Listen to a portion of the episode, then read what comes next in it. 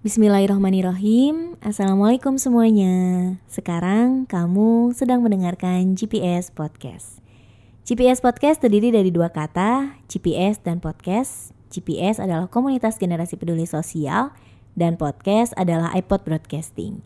GPS Podcast sengaja dibuat sebagai wadah sharing tentang kegiatan yang sudah dan akan dilakukan oleh teman-teman generasi peduli sosial. Nah, di episode pertama ini, GPS Podcast akan membahas tentang Ramadan Sempurna dengan Berbagi, yaitu event terdekat kami yang insya Allah akan dilaksanakan pada hari Ahad, tanggal 26 Mei 2019 mendatang pada pukul 2 siang sampai dengan selesai di SDN Pengasinan 3 Kota Bekasi. Tapi sebelum membahas lebih lanjut tentang Ramadan Sempurna dengan Berbagi, eh, GPS Podcast akan perkenalan terlebih dahulu. Mungkin masih ada teman-teman yang belum tahu generasi peduli sosial itu apa sih? Atau GPS Bekasi? Hmm. Oke, jadi generasi peduli sosial ini awalnya adalah sekumpulan teman-teman alumni SDN Pengasinan 3 Kota Bekasi yang gemar banget mengadakan reuni setiap tahunnya di bulan Ramadan. Ya, jadi reuninya itu setiap tahun. Nah, di satu momen ada salah satu alumni yang mencetuskan ide bagaimana kalau misalnya reuni ini nggak cuman berisi silaturahim alumni atau kayak gini-gini aja, tapi lebih ke ada manfaatnya, ada faedahnya, yaitu dengan cara mengundang anak yatim piatu di acara reuni tersebut yang dilangsungkan di bulan Ramadan.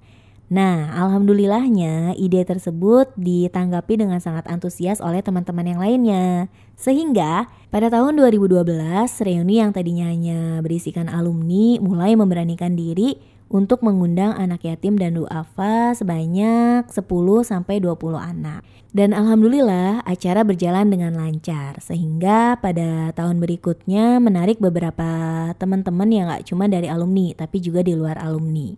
Sehingga pada tahun 2014 terbentuklah generasi peduli sosial. Di mana generasi peduli sosial ini awalnya itu hanya diambil dari singkatan GPS. Kenapa GPS? Karena yang kita tahu GPS ini adalah penunjuk arah dan kita berharap bahwa kita yang ada di dalam generasi peduli sosial ini dapat menunjukkan arah untuk diri kita sendiri dan orang lain me melakukan kegiatan-kegiatan yang baik dan sosial.